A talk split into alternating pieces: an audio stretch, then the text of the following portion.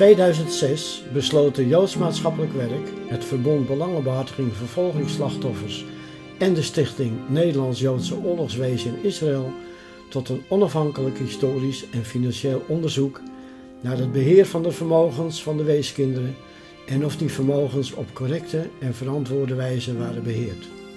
Historicus Johan Joor en de inmiddels overleden accountant Frits Hoek verrichten het onderzoek. Nu, 16 jaar later, kijken VBV-voorzitter Florineter, Leo van Gelderen en Johan Joor terug op de gang van zaken toen ter tijd. Ik heb jou gebeld naar aanleiding van de advertentie die Joods Maatschappelijk Werk heeft geplaatst. En daarin stelt de uh, Raad van Toezicht van Joods Maatschappelijk Werk dat ze een onafhankelijk onderzoek gaan instellen naar de, behandeling van de Joodse oorlogwezen. En biedt haar excuses aan voor eerdere afstandelijke juridische opstelling. Dat is allemaal goed en wel. Maar dan vraag ik mij met mijn lekenverstand af van wat hebben jullie dan voor uh, historisch materiaal meer dan wat Jor en Hoek hadden toen zij in 2006 begonnen met het wetenschappelijk onderzoek. Waarbij de opdrachtgevers uh, JNW en het Verbond Belangenbehartiging Vervolgingsslachtoffers waren. Plus het senior uit Israël waarvan het VBV weer de woordvoerder was. En mijn vraag aan jou is dus, ik ga geen vliegen zitten afvangen, uh, maar wat is jouw visie met betrekking tot eventueel nieuw wetenschappelijk onderzoek?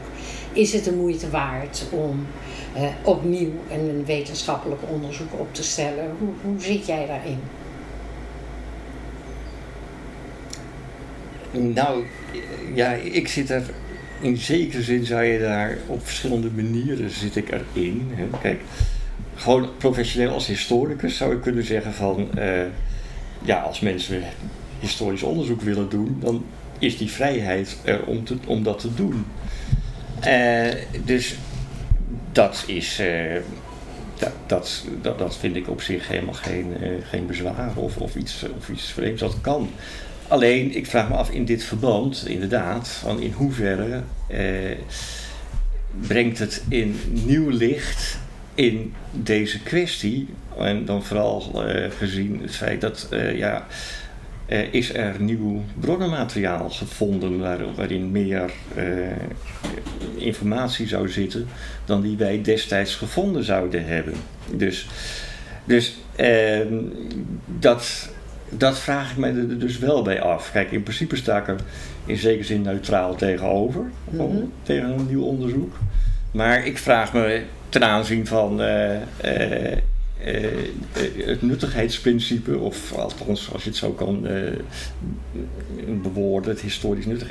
In hoeverre ja, is er echt aanleiding wat betreft nieuw materiaal wat je, wat je vindt wat echt nieuw licht kan werpen op deze, ja, deze toch de bewogen kwestie die het is geweest. Ja. Uh, ik zelf heb zo mijn twijfels over nog nieuw te vinden materiaal, maar heb jij daar, kan je je daar een voorstelling van maken?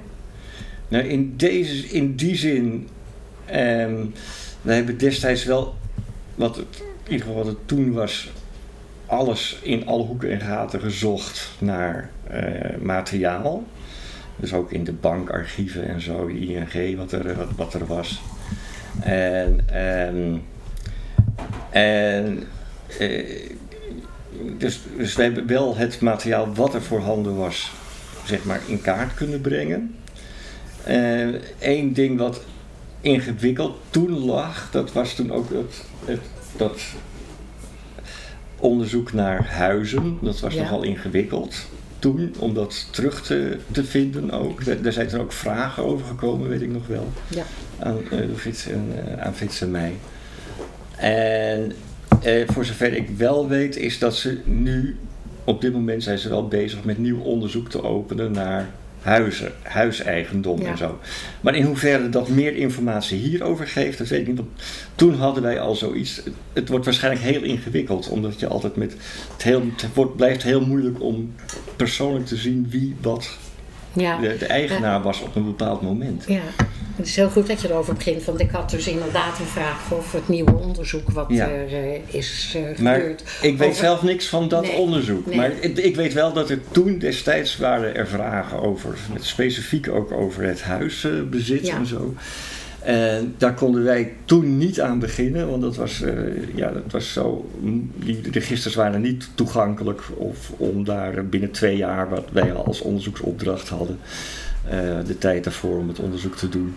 Om daar echt systematisch en diepgaand onderzoek in te gaan doen. Dat, dat, eh, dat kon toen niet.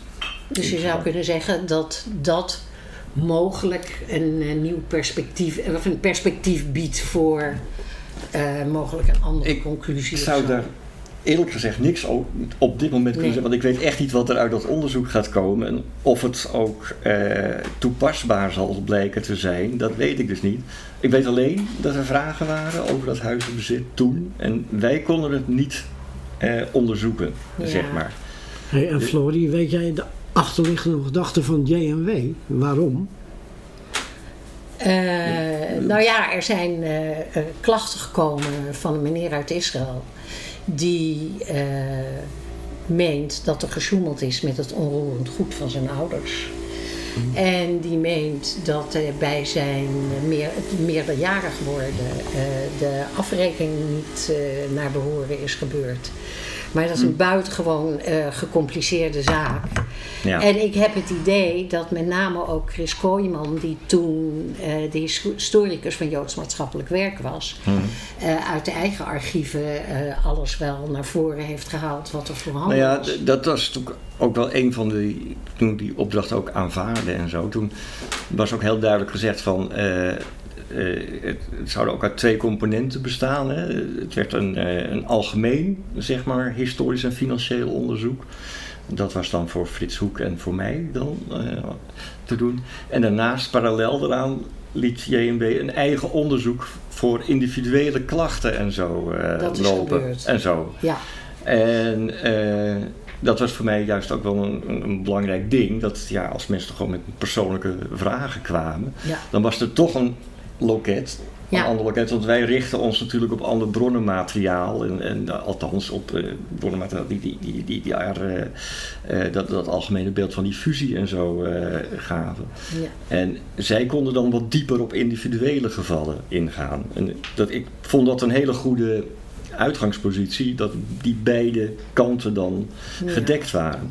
Daarmee. Nou ja, alho- alho- alhoewel ik buitengewoon kritisch was in deze periode, vond ik dat ook een hele goede oplossing. En ik heb eigenlijk nooit de ervaring gehad dat eh, informatie waarom werd gevraagd eh, aan de desbetreffende persoon werd onthouden door Joods maatschappelijk werk. In mijn optiek is daar niets gebeurd wat eh, niet door de beugel kan. Een van de verwijten nu is dat de begeleidingscommissie niet onafhankelijk zou zijn geweest. En mijn vraag is dus aan jou: heb je daar iets van gemerkt? En konden jullie als onafhankelijke onderzoekers uit de voeten met de onderzoeksopdracht? En daar eh, als verlengde daarvan is de opdracht ooit bijgesteld en zo ja door wie? En heeft Joods maatschappelijk werk eh, getracht om invloed uit te oefenen, zowel op, eh, ofwel op jullie ofwel op eh, de onderzoekscommissie. Ik heb, als ik hier de, Ja. de onderzoeksopdracht lees, die vooraan in het boek staat, Ja. en ik heb de opdracht eh, heb ik teruggezocht zoals die eh, eruit zag, want ik heb mijn handtekening daar zelf onder gezet, Ja. eh, is de tekst identiek. Maar dat neemt niet weg dat mijn vragen over de onafhankelijkheid, waarvan nu dus druk wordt gesproken, toch aan jou wil voorleggen. Ja. Eh, ja, die, eh, de, de commissie, het is, eh, nogmaals, het is allemaal in overleg van de, de, de betrokken partijen gebeurd. Hè? Ja, Dus dat was ook een reden waarom ik het ook toen ging toen de opdracht ook aanvaarden, want ik vind je, je moet onpartijdig kunnen werken. En Ja. ook alle partijen moeten zich in de opdracht kunnen vinden en ook in, in, in die keuzes daarvan. En dat was ook gebeurd. Dus, en ja, ik heb zelf absoluut geen reden aan de integriteit van Ed van Tijn of Ton van Gils of Christian Rupert te twijfelen in deze. Dus eh, ze hebben in ieder geval, het is zeker dat ze me nooit op een of andere manier hebben beïnvloed of, eh, eh, ja, of, eh, ja, of, of daar in, indirect hints of zo hebben gegeven of, of iets dergelijks. Dat is allemaal, het is allemaal relatief zakelijk gegaan natuurlijk, in, in hoeverre dat met zo'n onderwerp en zo'n opdracht ook kan. Maar dat betrof dat, dat eh, wij rapporteerden en eh, dan eh, werd er eigenlijk periodiek ik, dat vier tot vijf keer zijn er eh, overleggen geweest tussen ons en de... Maar dat veranderde niets aan de opdracht. Nee, nee, nee, de op- opdracht is nooit bijgesteld wat dat betreft. En er is ook nooit druk uitgeoefend door, laat ik nou even een man en paard noemen, door Harry van den Berg, die helaas niet meer leeft, Nee, en, en Hans Vuistje. nee, nee, ik ben nooit eh, onder druk gezet of zo. Nee. Of zeggen, want de- we willen deze... Dit is voor ons een wenselijke uitkomst, die willen we. Bijvoorbeeld. Ja. Eh, er ontbraken natuurlijk stukken. Ehm, wat ik heb gezien zijn eh, jaarcijfers van de organisaties, maar de individuele stukken van de kinderen waren er niet meer. En hebben jullie het idee, had je wel eens het idee dat dat kwam omdat het eh, gedrag van de besturen van destijds aanleiding hebben gegeven tot het eh, doen verdwijnen van de cijfers van de kinderen, persoonlijk? Eh, nee, dus ehm, die dat was een belangrijk ding, die, eh, het verdwijnen van die, die cijfers. Dus daar is hebben echt eh, heel zorgvuldig aandacht aan gegeven ook. Aan dat, iets van, dat, was, dat was ook een, een, echt een behoorlijke beschuldiging.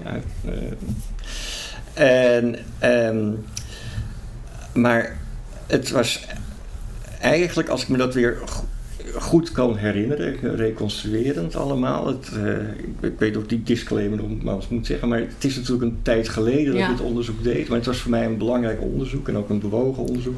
Dus ik weet, die grote lijnen weet ik nog zeker goed te herinneren. Maar alle details, die, die, eh, die zal ik allemaal weer terug moeten gaan zoeken natuurlijk, ja, na zoveel jaar. Maar ehm, eh, wat, wat ik gezien heb, is dat die, er, er was een, een, dat vermogensbeheer was een zeer belangrijke reden van de SHGJ-led om eh, eh, tot, ook tot die organisatie te komen. Dat is al heel, vanaf het begin is dat een belangrijk, eh, een belangrijke zaak geweest. En dat, heeft ook, dat is ook de aanjager geweest tot uiteindelijk tot die eh, totstandkoming van die fusie daarmee, Ja. voor een deel. En zij waren zeer gericht op het feit van we moeten goed zorgen dat die vermogens goed in kaart worden gebracht om het te redden voor de betrokken kinderen. Dus dat is altijd het uitgangspunt geweest daarmee. En eh, die, het, het moeilijke van, deze, ehm, van dit onderzoek was dus inderdaad dat die, die, het financiële beheer van, die, van de kinderen zelf, dat is verdwenen. Van die afdeling vermogensbeheer, dat is er dus niet meer. Dus die dossiers die zijn per individuele eh, wees zijn niet meer voorhanden en beschikbaar, die financiële dossiers. Maar eh, wat we hebben kunnen reconstrueren, wat je dus uit de notulen kan zien, is dat die, dat vermogensbeheer, dat is, nou weet ik dus niet meer precies wanneer het, in welk jaar, het, het was ergens in het begin van de jaren 60, is dat, is dat eh, vernietigd, als ik het goed heb. Maar dan, daar zou ik dan later op terug moeten komen, wanneer dat precies was. En dat was, dat hing samen met de verhuizing van Joods maatschappelijk werk toen naar eh, de. Donanessenstraat.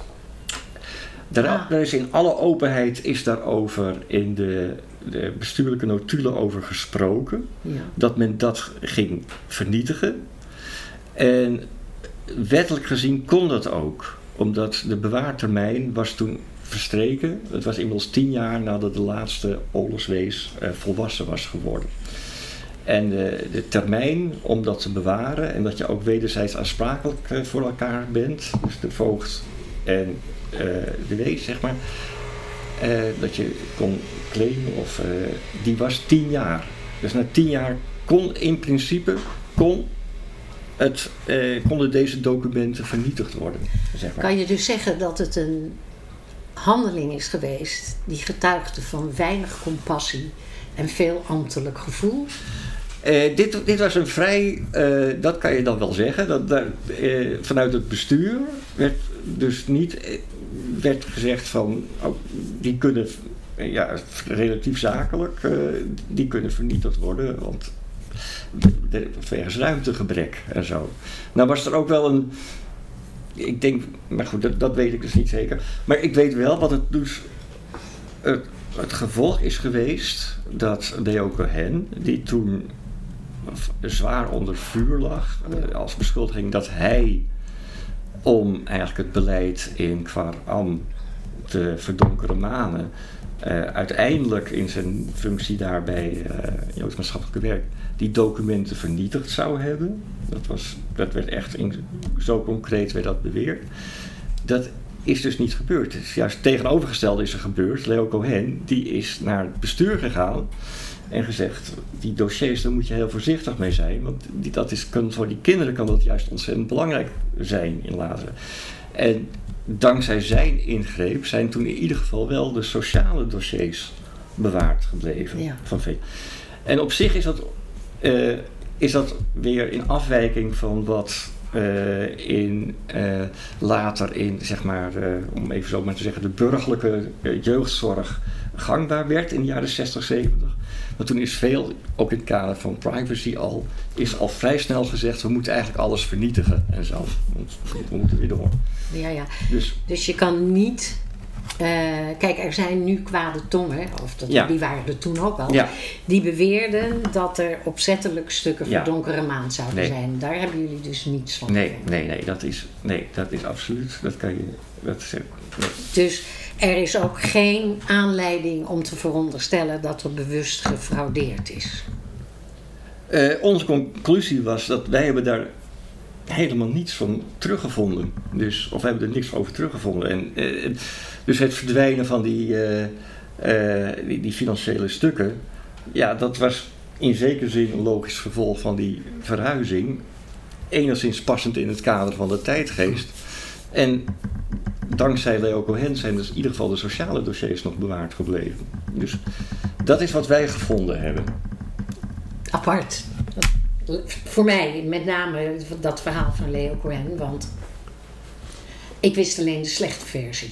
Dus Ja. Dit, is, dit is voor mij ook nieuw en ik eh, geloof je op je woord. Eh, er is nog iets in Nederland, maar dat weet je, ja, dat kan me niet voorstellen dat je het nog weet, maar dat waren een van de dingen waar eh, wij, het VBV, dus destijds over vielen. En het gaat ook maar om een klein bedrag. Naar de waarde van nu zou dat om 12.500 of 13.000 euro gaan. Maar er werden kleine bedragen van de kinderen verzameld. Ja. En dat heeft als schuld op de balans. Het was een soort collectief vermogen. Ja. En dat werd als schuld op de balans gezet, want het was in feite natuurlijk een schuld aan de wezen. Ja. En eh, uiteindelijk in 63 is dat eh, toegevoegd aan het vermogen van Le Esrat. Ja. En eh, dit is maar een klein dingetje, dus een kwaaddenkende, en dat ben ik in principe ook wel, zou zich kunnen afvragen: waren er nog meer van dit soort punten? Want het was natuurlijk een tegoed van de wezen, het wordt als schuld op de balans gezet en vervolgens wordt het toegevoegd aan het vermogen van Le Esrat. Nou gaat dit om een klein bedrag, maar. eh, zouden er meer van dit soort punten kunnen zijn? Kijk, jullie hebben alle, alle jaarcijfers doorgenomen. En ik haak al af bij pagina 1 van de jaarcijfers. Jouw stuk kan ik nog lezen. Ja. Maar het gedeelte met de Ja. cijfers, dan denk ik van nou nee, dat is echt voor anderen. Ja, nou ja, kijk, dat is ook in deze zin moet ik dus zeggen, kijk, eh, we hebben al in een vrij vroege fase toen we het onderzoek hadden eh, geaccepteerd, eh, dus eh, Frits Hoek en ik, hebben we dus gezegd van, eh, dat, dat, dat lag natuurlijk ook in de, in- logisch in, de, in, in onze competentie, dat Frits zou zich echt op het financiële verhaal eh, storten. Ja. En ik zelf zou me meer op het kwalitatieve, het, het historische verhaal ook echt storten. Dus in deze zin kan ik je, ja, ik weet, ja, ik weet er natuurlijk wel van, maar minder gedetailleerd antwoord geven dan Frits dat had kunnen doen. Ja. Ja. die is helaas overleden natuurlijk ook als een van de eh, betrokkenen in, de, in deze kwestie. Ja, een hele belangrijke schakel. Ja, natuurlijk. belangrijke schakel. Ja, Dus dat, eh, maar ik, wat ik er wel van dus weet is inderdaad, kijk, wij hebben dus wel antwoordend op de onderzoeksvraag en die centrale onderzoeksvraag, dat was onder andere van, heeft dit beleid van de, de fusie, was dat eh, afgeweken van het vigerend overheidsbeleid eh, ten aanzien van de, zo was de, de Ja. centrale vraag, zeg maar. eh. En eh, die hebben wij eh, dus behandeld, eh, beantwoord toen. En ik moet even bedenken waar ik ook weer naartoe ging met mijn vraag. Die vraag was, wat, wat was je vraag ook weer? Sorry, die, ten aanzien van, van Frits, van die... eh, eh, oh ja, oh die, ja. Dus ons antwoord was, wij konden toen antwoorden van eh, in het licht van het vigerend overheidsbeleid, hè, waar we dus de aantekening wel hebben gezegd dat we dat vigerend overheidsbeleid van 1945 tot 1965 is. Daarna is natuurlijk een ander type overheidsbeleid ook gekomen. Maar goed, in het licht van dat overheidsbeleid was dat beleid wat de fusie heeft gevoerd, was, eh, was niet eh, in die zin in- afwijkend in slechte zin. In zekere zin kon je zelfs positieve kanten onderscheiden aan, aan dat beleid. eh, ten aanzien weet van, je, weet je nog toevallig welke?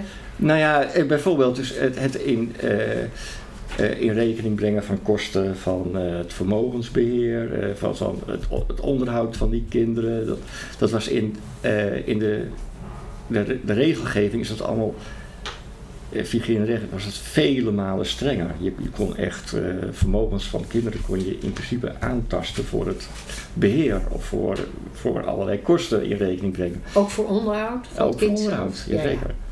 En hoewel het, het was allemaal erg ingewikkeld met die regelgeving, Ja. omdat er allerlei verschillende regelgeving, men viel onder verschillende regelgevingen. En dat maakte het gecompliceerd en er waren er meer departementen waren erbij betrokken. Eh, dus dat maakt het wat ingewikkeld. Maar eh, dat betekende niet dat. Het was altijd in het overheidsbeleid was het zover dat, dat je kon heel veel verhalen op de kinderen zelfs. En moest in, zelfs, je moest ook terug kunnen betalen, kunnen vorderen, in kunnen vorderen als er bijvoorbeeld subsidies was gegeven en noem maar op allemaal. En eh, eh, wij, althans dat heb ik dan in die bestuurlijke notulen terug kunnen vinden, waarin die goed bewaard zijn gebleven dan zie je dat men probeert zoveel mogelijk om die vermogens steeds intact te laten. Dat is echt het, het, het uitgangspunt. En dan zie je dat er ook een gunstiger eh, regeling is, bijvoorbeeld ten aanzien van het, eh, ja, het, het zakgeld dat kinderen mogen houden. Dus, eh, dus zo zijn allerlei details. Maar goed, dus in die zin hadden we, konden wij zeggen van dit, dit wijkt in positieve zin wijkt dit af van het, het beleid wat er was. Maar we hebben toen wel gezegd, eh, we hebben dus, eh, ik geloof dat we zeven of acht, dat zou ik nou moeten naslaan, weer precies, eh, ik kan het ook nog niet, na- niet naslaan, eh, vragen geformuleerd of onduidelijkheden hebben we gezien, waarvan wij, die kunnen, daar kunnen wij geen antwoord op geven. Nee. En die zijn onduidelijk. En één daarvan was onder andere dus die, eh, het, die, die dwergbedragen die getotaliseerd zijn, Ja. om het zo maar te noemen. En Ja. dat is op een gegeven moment, eh, ja, op een onduidelijke manier, eh, als ik het goed zeg, is dat eh, afgeboekt, zeg maar. En, en zo waren er eh, nog wat, punten waarvan wij dachten van, ja, dat is wonderlijk. Ik heb ook die, die, eh, die, die ene eh, verzamel, eh, op- die schadeboekjes weer op een gegeven moment hebben we van twee betrokkenen in die, in die sociale dossiers. Dat was dan weer het voordeel van die sociale dossiers, want die liepen voor een deel wel weer parallel aan die financiële administratie. Dus we Dat zijn konden, schadeboekjes. eh, schadeboekjes, dan moet ik het. Dat zou ik. De precieze details staat allemaal in, in rekenschap natuurlijk. Ja. Maar in ieder geval, dat, dat, daar waren, eh, ja, dat waren eh, bedragen die dan eh, wat men te goed had. En ik, ik, ik zou dat moeten nakijken, Ja, wat ja. zo'n schadeboekje weer met precies was. kassu te maken of zo? Maar die kreeg je wel als persoonlijk kreeg je die dan. In, en, en op een gegeven moment zijn er drie van die schadeboekjes zijn getotaliseerd, zagen wij. En die zijn naar een rekening, het totaalbedrag daarvan is naar een rekening overgebracht van de SHJ. En het is onduidelijk voor ons wat daar nou precies gebeurd is. Want is dat nou een financieel administratief verhaal geweest of zo? Dat, dat, eh, of, eh, Creatief boekhouden. of dat, is, dat was een onduidelijkheid Dat is een die, die, we, die we gesignaleerd hebben. Maar eh, nogmaals, al die andere bronnen geven aan eh, dat wat toen ver- eigenlijk verweten is, dat er geld van die vermogens van die kinderen gebruikt zou zijn om naar de kibbutz te gaan Ja. en, en zo. Dat, daar hebben we allemaal eerder eh, aan, aanwijzingen voor het tegendeel van gevonden dan van dat dat eh, eh, daadwerkelijk zo is geweest. En dat betreft dan ook echt dat Leo Cohen toen hij daar zat, zei van dat moet niet ten koste van die vermogens gaan enzovoort allemaal.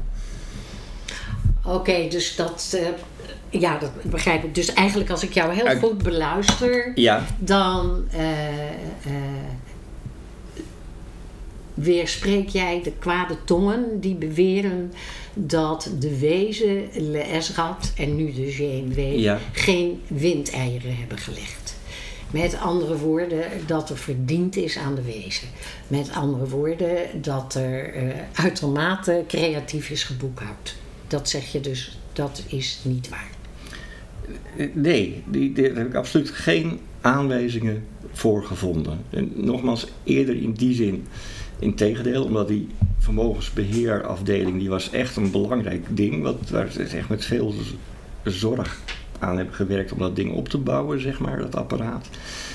Eh, en ja, datzelfde geldt ook voor die, eh, dus die, eh, die kibbutz, die Kvaram zaken. eh, dat, is, dat, dat konden we wel terugvinden in de, in de boekhouding, al- al- althans eh, Frits ook. Die bedragen die zijn steeds betaald door de Bergstichting. En het is niet door de, door de, door de wezen. Nee, dus er is geen tractor gekocht van de gelden van de, De wezen. tractor is was een ding wat vaak Die tractor terugkwam. komt steeds terug, ja. terug. Ja, Nee, dat is, eh, als je kan zien wanneer er geld is overgemaakt, is dat uit het, eh, uit het, eh, het vermogen van de Bergstichting. Is dat eh, gedaan. Tot twee Oké. keer. En dat is, het is, maar goed, ik snap natuurlijk, het is natuurlijk een hele gevoelige materie. En je snapt natuurlijk dat in die beleving, hoe dat, hoe dat anders kan beleefd kan worden. Dat, dat Ja. snap ik. Ik snap ook misschien dat daar communicatiefouten misschien zijn gemaakt van dit zijn wij of zo die dit gedaan ja, hebben. dat denk En- ik wel. Ik denk wel dat er communicatiefouten zijn gemaakt. Want anders was ook die vernietiging, had die vernietiging van die financiële dossiers van de pupillen niet plaatsgevonden. Je kan zeggen van ja, het is een gebrek aan ruimte. Dat kan allemaal wel zijn, maar Ja. het is zo gevoelig Ja, ja. dat je dit niet vernietigt. Je moet wel over een zeer ambtelijke geest beschikken. Om te denken van, nou ja, bewaartermijn is tien jaar en had ik idee eh, de, de, de papierversnipperaar in. Dus ik denk wel dat eh, de gevoeligheid misschien wel te wensen overliet. De keerzijde van de medaille is, en dat is, is wat ik altijd wel in mijn achterhoofd houd, eh, is dat de mensen die het beheer voerden, Hmm. waren de directe overlevenden van de Tweede Wereldoorlog. hè. Mhm. Die, voelden, die werden geplaatst voor de zorg voor een x aantal, ik, weet, ik kan nooit getallen onthouden, een Mhm. x aantal oorlogswezen waar zij de verantwoording voor hadden, maar ze namen hun eigen sores mee. Dus je hebt de zorg voor de kinderen, maar dan heb je ook nog zorg voor de boekhouding tot op de tiende cent. En dat is iets dat in mijn optiek ook niet samen kan gaan.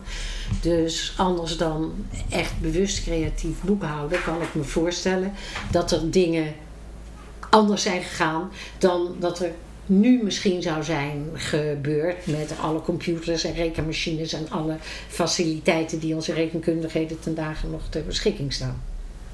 Deel je dat? Eh, ik, nou, kijk, ik deel het zeker dat in die zin, kijk, het, het is, het is, nogmaals, het is eh, eh, het verschrikkelijk met, dit, met de wezen. Maar die, inderdaad, de, de bestuurders en zo, die kwamen inderdaad ook uit een Uit een totaal hel. uit een hel in Ja. een kaalgeslagen Amsterdam. En, en absoluut een overheid die daar totaal geen gevoel voor had. Weet je, die, die verhalen zijn verschrikkelijk als Ja. je dat leest. Weet je, met het huis van Jozef Boko. Dat, dat van de SHLJ, dat door de, door de overheid gewoon eh, ingebruikt wordt om dus die, kinderen van fouten in de SPA-toestand in te, te zetten na de Tweede Wereldoorlog. En dat ze maar iedere keer moeten vragen, mogen we alsjeblieft ons huis terug, weet je. En dan Ja. toch netjes blijven, want als je niet netjes blijft, dan verlies je helemaal het, eh, eh, eh, het contact met eh, die bestuurders. En dan, eh, dus dus die, die omstandigheden waren natuurlijk verschrikkelijk. Als je dat, eh, dus ik denk het is ook belangrijk dat voor deze mensen dat je toch ook wel de, eh, ja, de, waarheid eh, zeg maar probeert in, kaart te brengen. Die waarheid van hen daarmee. Dus dat geloof ik zeker. En wat, wat als aantekening, wat het misschien nog wel toch ook belangrijk is om er, erbij te zeggen, is dat, kijk, de, helemaal formeel gezien, kijk, de fusie is nooit een echte voogdijinstelling geweest in die zin. hè. Dus er zijn er maar drie geweest die echt voogdij hebben gehad. Ik heb het net al teruggelezen, dat was nogal van belang. Dat, dat was dus de SHZ, eh, de Bergstichting en de Rudelsheim Stichting. Dus dat zijn eigenlijk de drie voogden geweest. Ja. En die fusie is gewoon eigenlijk alleen maar een administratief verhaal geweest. En belangrijk nogmaals. Waar viel het jongenshuis dan onder, weet je dat?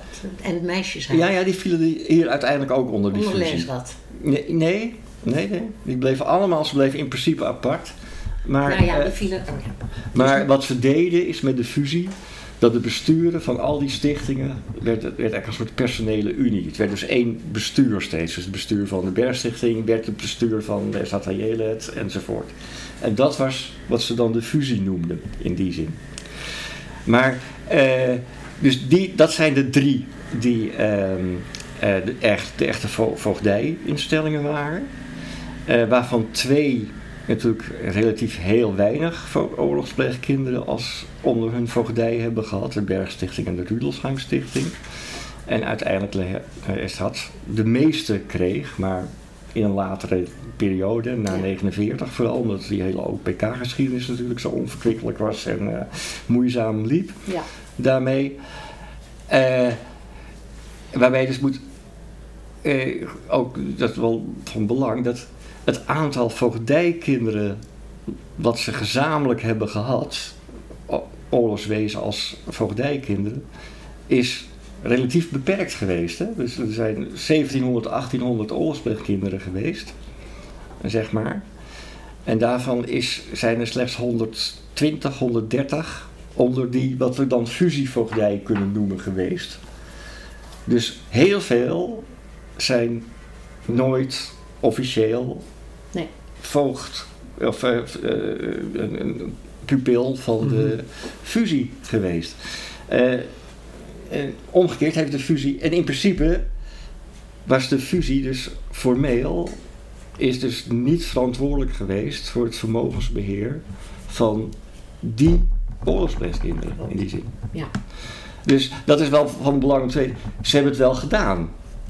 Dus ze hebben wel de zorg op zich genomen ook voor uh, dus de Joodse oorlogspleegkinderen die niet onder hun voogdij vielen. Daar kregen ze, daar kregen ze geen geld voor. Dus, nee. dus, dus dat was totaal. Uh, dus dat is wel ja, een ding om in. Ze gingen ook, kwamen ook kijken, want ik ben gehuwd met een oorlogswees. Ja. En daar was, toen hij klein was, was er een uh, juffrouw Jacobs van Leesrad. Ja. En die kwam één keer in de zoveel tijd kijken of het wel goed met hem ging. Oh, ja. Dus op een gegeven moment had zijn pleegvader uh, had daar geen trek meer in. Nee. Dus die heeft juffrouw Jacobs gesommeerd om te verdwijnen. En toen is ze ook verdwenen. Oh, maar wat dat betreft heeft Leesrad wel degelijk uh, haar best gedaan. Ja, ja. ja maar goed, dit is wat, wat ik dus uit de... Ja, maar dat klopt dan ook wel. Maar, met, maar ik wil...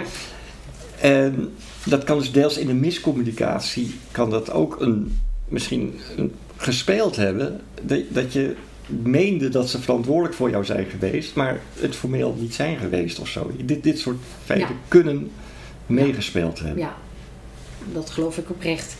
Ik heb een laatste vraag, en dat is een persoonlijke vraag. Ja. Hoe heb jij ons gezamenlijk project beleefd? En ik weet niet of dat een uh, repeterende vraag is, maar... Nou, ja, ik, kijk, ik vond het uh, persoonlijk vond ik en professioneel vond ik natuurlijk een hele bijzondere opdracht. En uh, het bijzondere was natuurlijk ook omdat je had en met die kinderbescherming had je te maken en zo. En die, en, die, die kinderwetten, weet je, dat, dat, was al, dat is toch wel ook iets historisch gezien heel bijzonder. Wat je ziet, wel die hele verzuiling, dat begon eigenlijk al in die kinderbeschermings. Uh, uh, die waren enorm verzuild in al die jaren al. Ja. Dus het was een hele interessante uh, maatschappelijke aspect van de Nederlandse samenleving in het begin jaren twintig al en hoe dat verder is gelopen in die, in die kinderzorg. Dus vanuit een historisch oogpunt was het ook uitermate inter, interessant om te doen en uitdagend.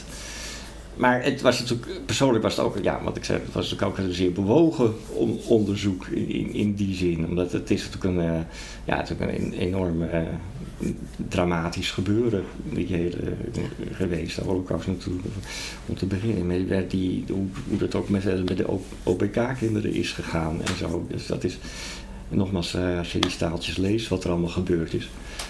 En ja, dat zag je ook wel terug in die, in die notulen. Dan kwam je wel uh, ja, uh, heel indrukwekkende en indringende uh, berichten en getuigenissen tegen. Dus persoonlijk vond ik dat, vond ik dat behoorlijk indringend. Ja. Dus, en, maar ik vond het een, een, bijzonder onderzoek om te doen. En de samenwerking met Frits Hoek was heel erg goed moet ik zeggen. Ik, dat, dat, dat, dat wist ik hem zeer dat hij daar hier uh, niet bij kon zijn. Ja, om, dat, ja. om dat ook verder toe te lichten allemaal. Uh, dus samen met de begeleidingscommissie. de functie van Frits Hoek, misschien kunnen we dat nog één keer dan voor de, voor de luisteraar ja. benadrukken. Die deed, jij deed het historisch deel ja, en Frits Hoek was echt de cijferman. Ja, ja, hij deed echt de cijferman en dan vooral op grond van die accountantsrapporten die nog bewaard zijn gebleven. Waarin, en nogmaals, het vervelende is daarvan is, dat zijn getotaliseerde bedragen. Dus je kan wel enigszins zien hoe dat eh, gaat.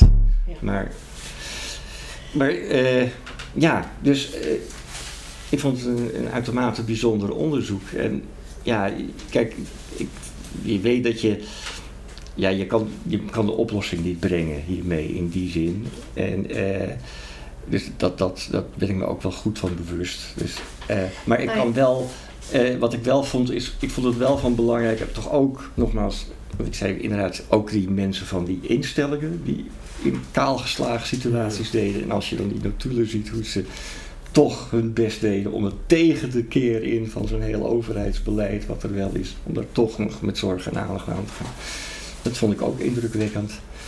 Eh, ja, dus, dus, dat- dus en, en, en, en dat is wat echt dat, dat verwijt aan die Leo Cohen was dat hij het, eh, die, die cover-up zou doen. En wat gewoon niet waar is volgens de, de, de, de historische feiten die je kan vinden. En dan denk ik van ja, dat, dat zijn dingen die je misschien wel kan weerleggen. En eh, dat dat toch iets van een oplossing of in ieder geval eh, meer informatie Ja. eh, kan bieden. Nou ja, ik ben zelf ik ben heel blij met je verhaal. En we zijn ervan overtuigd dat een heleboel mensen heel blij zullen zijn met je verhaal. Waar wij ook blij mee waren naar aanleiding van het onderzoek, dat waren dat die losse eindjes die erin zaten, zoals die collectieve bedragen die dan jarenlang als schuld op de begroting hebben gestaan en dan worden toegevoegd aan het vermogen van Leidersrad, dat het uiteindelijk geen aanleiding heeft gegeven tot. Uh, nee, wat ik eigenlijk wilde zeggen is dat die kleine uh, losse lusjes, dat die geen aanleiding hebben gegeven tot een. Nou ben ik er dus echt van af. Ja, die hebben wel aanleiding gegeven tot een kleine herstelbetaling ja, aan de wezen. Dus uiteindelijk zijn de losse eindjes zijn wel min of meer gecompenseerd. En wat mij betreft is hiermee toch een uh, streep gezet onder dit uh, buitengemeen pijnlijke, gevoelige periode. Waarbij ik je ontzettend dank voor dit interview en bovenal dank voor de inzet die jullie hebben geleverd bij het tot stand komen van het boek.